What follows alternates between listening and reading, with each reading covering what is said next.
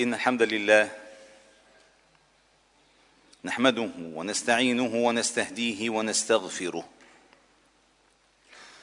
ونعوذ بالله تعالى من شرور أنفسنا وسيئات أعمالنا. من يهده الله فهو المهتد ومن يضلل فلن تجد له وليا مرشدا. ومن لم يجعل الله له نورا فما له من نور.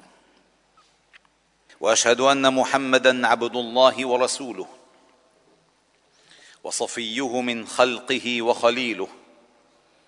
بلغ الرسالة وأدى الأمانة ونصح الأمة. وجاهد في الله حق جهاده. وعبد الله حتى أتاه اليقين. صلوات ربنا وتسليماته عليه. وعلى آله الأطهار. وصحابته الأخيار ومن تبعهم بإحسان إلى يوم الدين. يقول ربكم جل جلاله يا أيها الذين آمنوا اتقوا الله حق تقاته ولا تموتن إلا وأنتم مسلمون. يا أيها الذين آمنوا اتقوا الله وقولوا قولا سديدا. يصلح لكم أعمالكم ويغفر لكم ذنوبكم. ومن يطع الله ورسوله فقد فاز فوزا عظيما. ثم أما بعد فإن أصدق الحديث كلام الله تعالى. وأحسن الهدي هدي محمد صلى الله عليه وسلم. وشر الأمور محدثاتها وكل محدثة بدعة وكل بدعة ضلالة وكل ضلالة في النار. عباد الله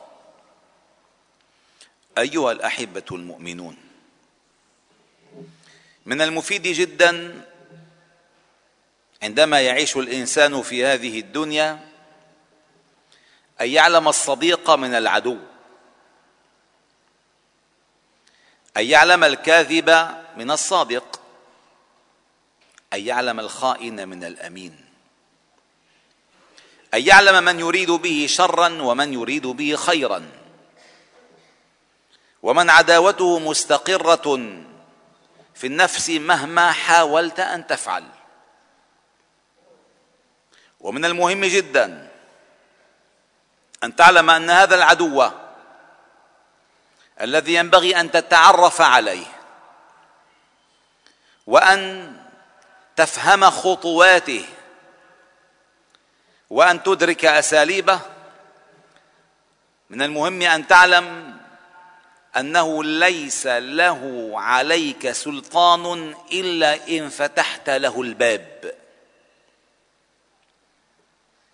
أنه ليس له عليك سلطان إلا أن سمع منك الجواب.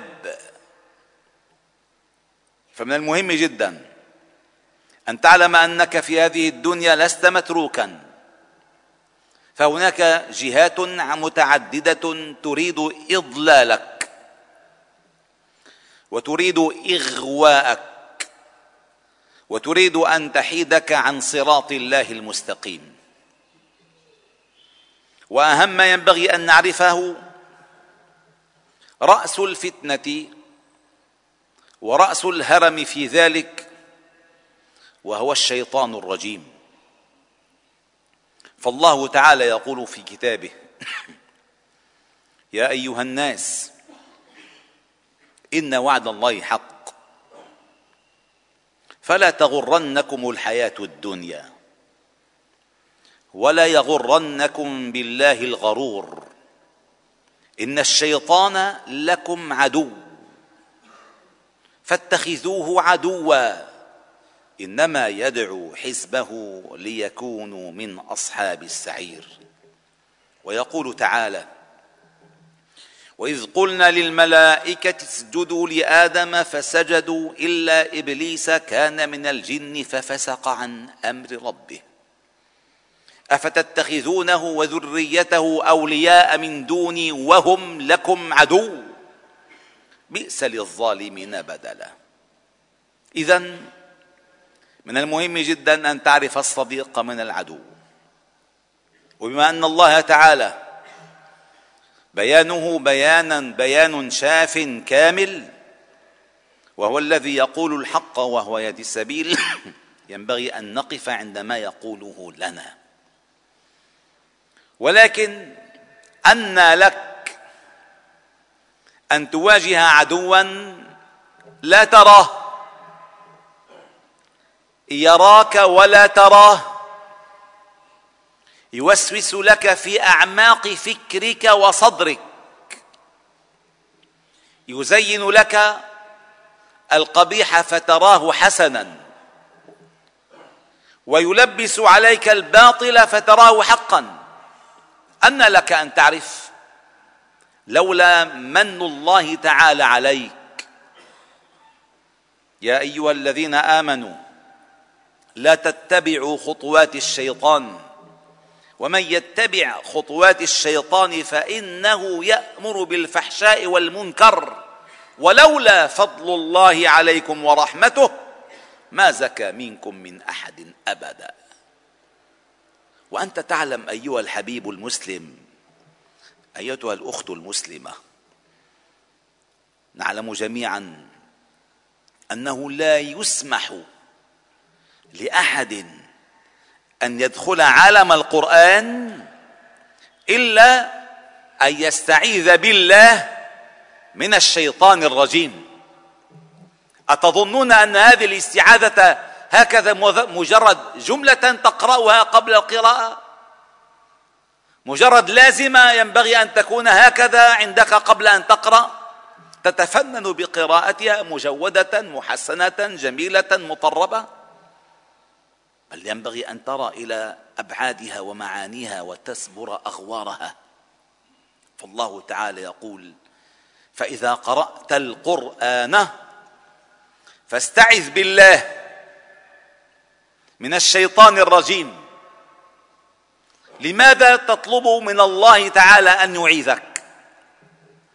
لماذا تطلب العصمة والحماية والوقاية من الله أمام هذا الشيطان الرجيم.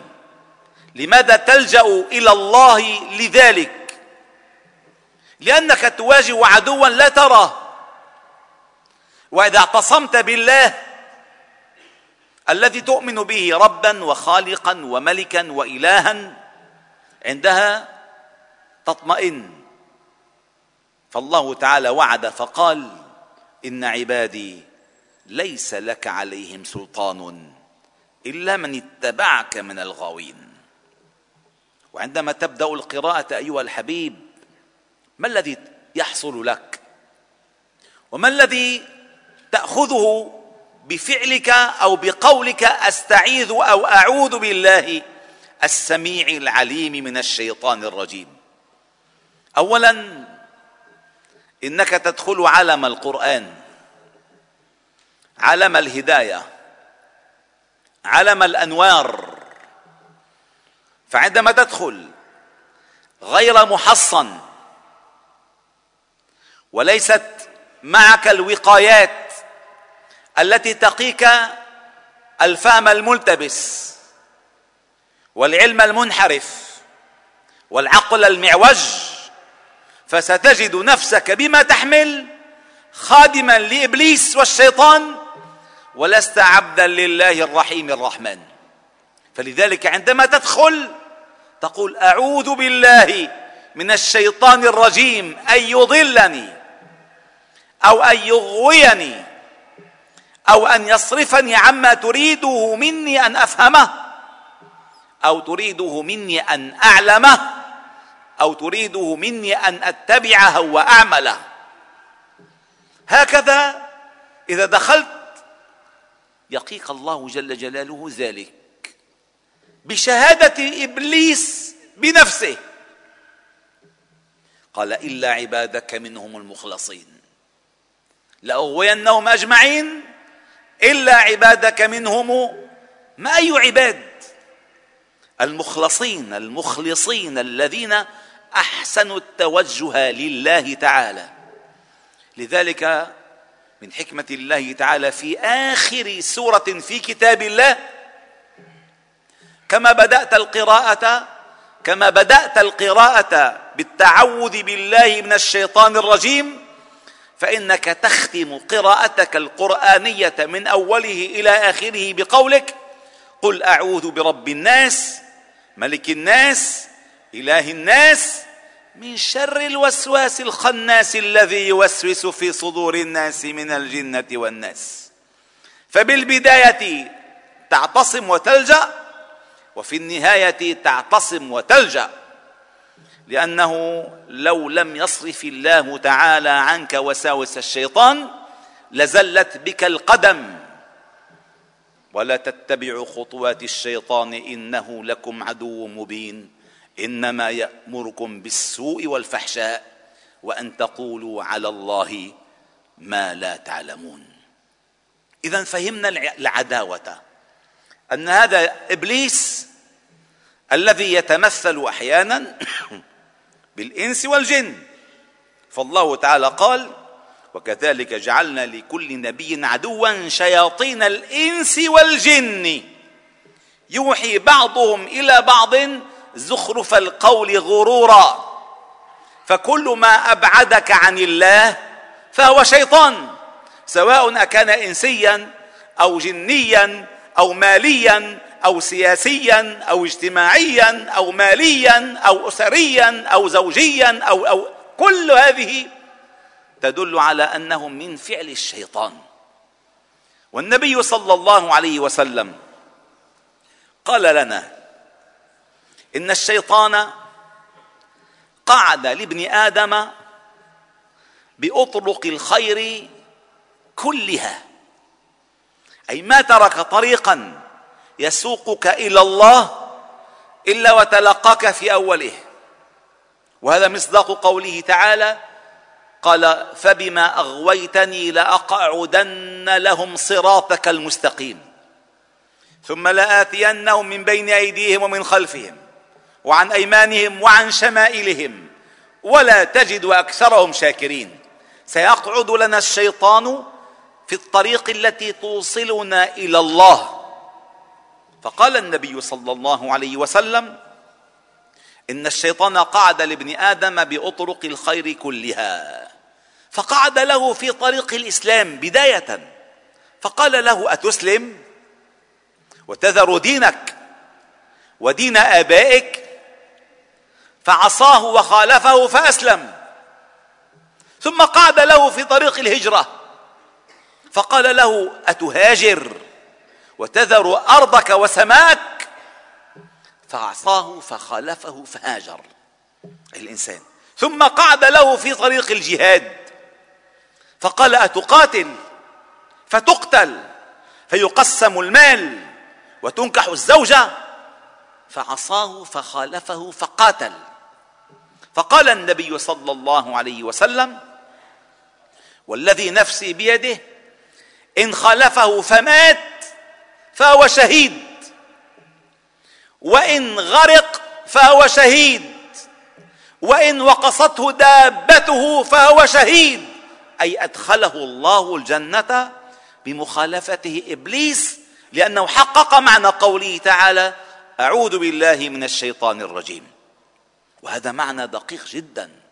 لذلك الشيطان أيها الأحباب إن لم نفهم ما الذي يحصل للبشرية من الإغواء لأن إبليس الذي لا يرى عنده جنود يرون فكل من يأمر بالفحشاء من جنود إبليس. كل من يزين الباطل للناس فهو من جنود إبليس. كل من يسهل المعصية على الناس فهو من جنود إبليس. فلذلك ينبغي أن نحذر كل الحذر من هؤلاء الجنود فإن الشيطان عنده حزب. استحوذ عليهم الشيطان فأنساهم ذكر الله. أولئك حزب الشيطان. ألا إن حزب الشيطان هم الخاسرون. والنبي صلى الله عليه وسلم يعلمنا أمورا عملية. يمكن أن يدرك الإنسان من خلالها. هل الشيطان عليه سبيل أو لا سبيل عليه؟ فيقول صلى الله عليه وسلم إن الشيطان يعقد على قافية رأس أحدكم إذا هو نام ثلاث عقد. يدخل الإنسان إلى فراشه فيريد أن ينام فيأتيه الشيطان. فيعقد على قافية رأس أحدكم إذا هو نام ثلاث عقد. يقول عليك ليل طويل فارقد. نام. يا أخي روح سباح بالنام بالنوم. لا تستيقظ إلا مع طروق شروق الشمس أو مع الضحى أو حتى مع الظهر. فإذا استيقظ فذكر الله تعالى انحلت عقدة من عقد إبليس عليه. فإذا توضأ انحلت عقدة. فإذا صلى انحلت العقد كلها فأصبح طيب النفس نشيطا. وإلا أصبح خبيث النفس كسلان. كسلان عن ماذا؟ عن طاعة الله عن فعل الخير عن الأمر بالمعروف عن النهي عن المنكر. فقد أعطاه إبليس ليلا لقاحا يبعده عن كل طاعة ويقربه إلى كل معصية. لأن الشيطان أعماله مع عمله مع الإنسان التزيين. قال الله تعالى واستفزز من استطعت منهم بصوتك.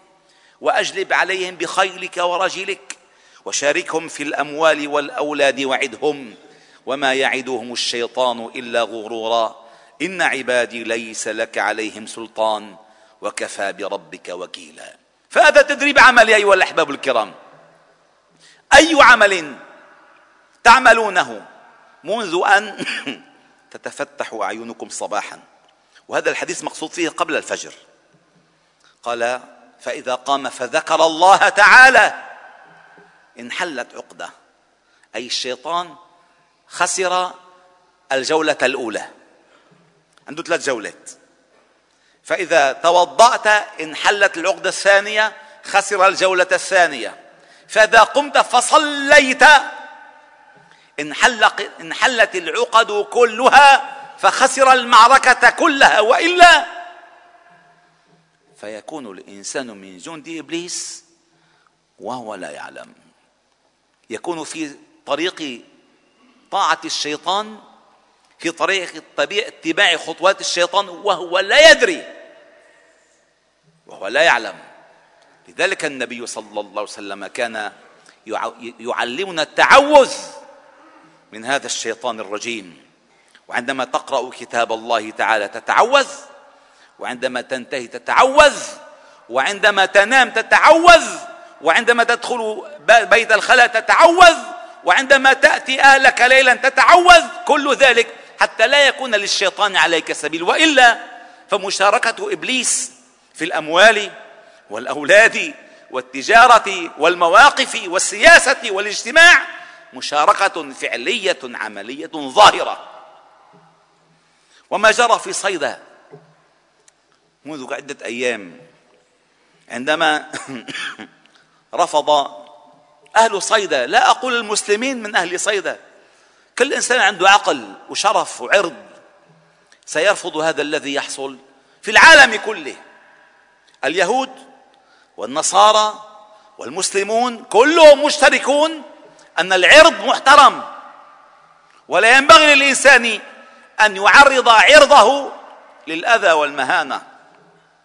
فالنصارى لا يصورون مريم عليها السلام إلا وهي بلباس الحجاب. واليهود كذلك إلى الآن يحتشمون نساؤهم والمسلمون الحشمة من عندهم. فمن أي دين وإلى أي حضارة يريدوننا أن ننتمي؟ انها خطوات الشيطان. انها خيل إبليس. انها رجل وجنود إبليس. الذين يحبون أن تشيع الفاحشة في الذين آمنوا فلهم عذاب أليم في الدنيا والآخرة. فالنصارى والمسلمون ينبغي أن يتصدوا لمثل هذه الأعمال المهينة أن يعرض الإنسان الناس أن يؤذي أبصارهم. يا أخي إنسان اخذ عيلته ريح على على البحر لماذا عليه أن يؤذي بصره؟ بأن يرى ما لا ما لا يفعله الحيوانات. حتى الحيوانات لا يفعلونه. لماذا؟ ويعدون ذلك حضارة إنها بئست الحضارة إذا كانت بالتعري. فإذا كانت الحضارة بالتعري فسبقتنا إليها البهائم منذ زمن طويل. فلذلك أيها الأحباب الكرام فلنحذر وساوس الشيطان بالأخلاق بالحضارة بالسياسة بالأمن بالأسرة. فإنه ثبت في الحديث أن النبي صلى الله عليه وسلم قال إن إبليس يضع عرشه على الماء ثم يبعث بسراياه. كتائب الإضلال في الأرض. ثم يعودون إليه بالتقارير والأعمال. فاقربهم أدناهم منه منزلة أعظمهم فتنة. هكذا يقول الحديث أدناهم منه منزلة أعظمهم فتنة واغواء لبني آدم. فيقول له ماذا فعلت؟ فيقول لا زلت به حتى فعل كذا وكذا. قال ما فعلت شيئا. حتى يأتي آخرهم فيقول ماذا فعلت؟ قال لا زلت به حتى فرقت بينه وبين زوجه أي دمرت له أسرته.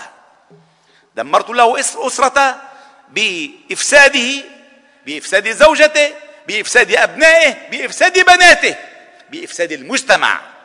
فيقول له نعم أنت نعم أنت ثم يلتزمه.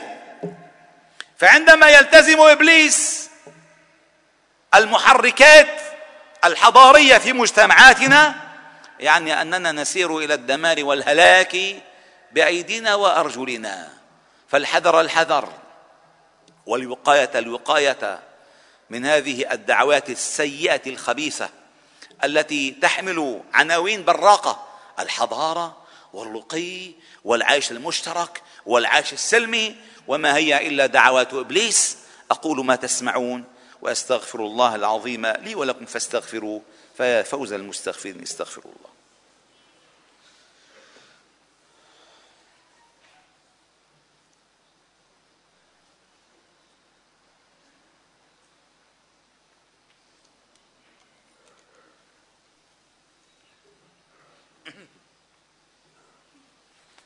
الحمد لله حق حمده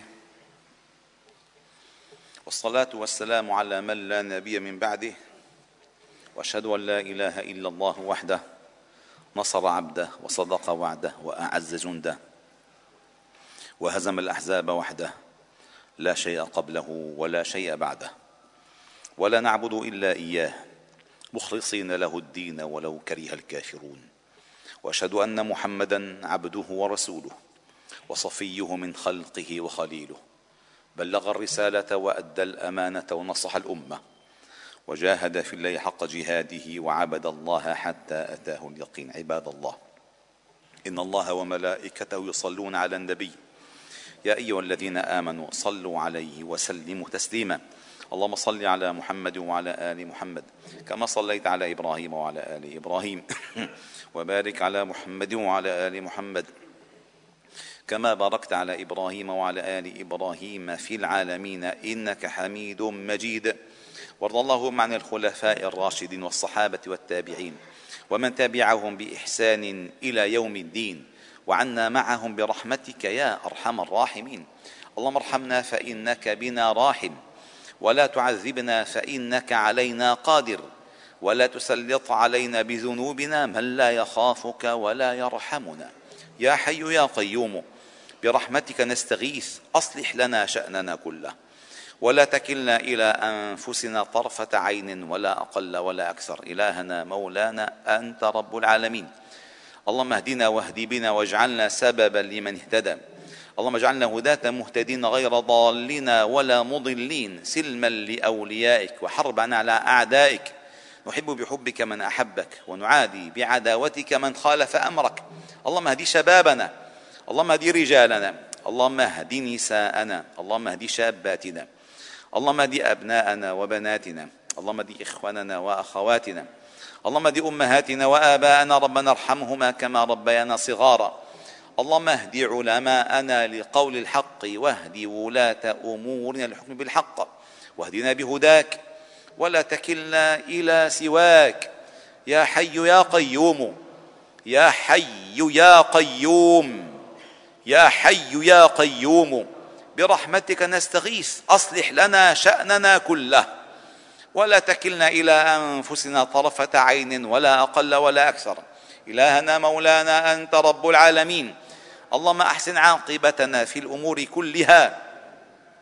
وأجرنا من خزي الدنيا وعذاب الآخرة. اللهم طهر أعمالنا من الرياء وطهر قلوبنا من النفاق. وطهر أعيننا من الخيانة وطهر ألسنتنا من الكذب. اللهم أنا نعوذ بك من زوال نعمتك وتحول عافيتك وفجاءة نقمتك وجميع سخطك. اللهم إنا نسألك رضاك والجنة ونعوذ بك اللهم من سخطك والنار. اللهم أنا نسألك من الخير كله عاجله وآجله ما علمنا منه وما لم نعلم. ونعوذ بك اللهم من الشر كله عاجله وآجله ما علمنا منه وما لم نعلم. اللهم إنا نسألك أن تستر عوراتنا وأن تؤمن روعاتنا وأن تحفظنا من بين أيدينا ومن خلفنا وعن أيماننا وعن شمائلنا ومن فوقنا. ونعوذ بعظمتك أن نغتال من تحتنا. اللهم اجعل هذا البلد سخاء رخاء حفظا وامنا بحفظك وأمنك. فإنك أنت الله خير حافظا وأنت أرحم الراحمين. اغفر اللهم لنا ولوالدينا ولمن علمنا وللمسلمين في مشارق الأرض ومغاربها. سبحان ربك رب العزة عما يصفون وسلام على المرسلين والحمد لله رب العالمين.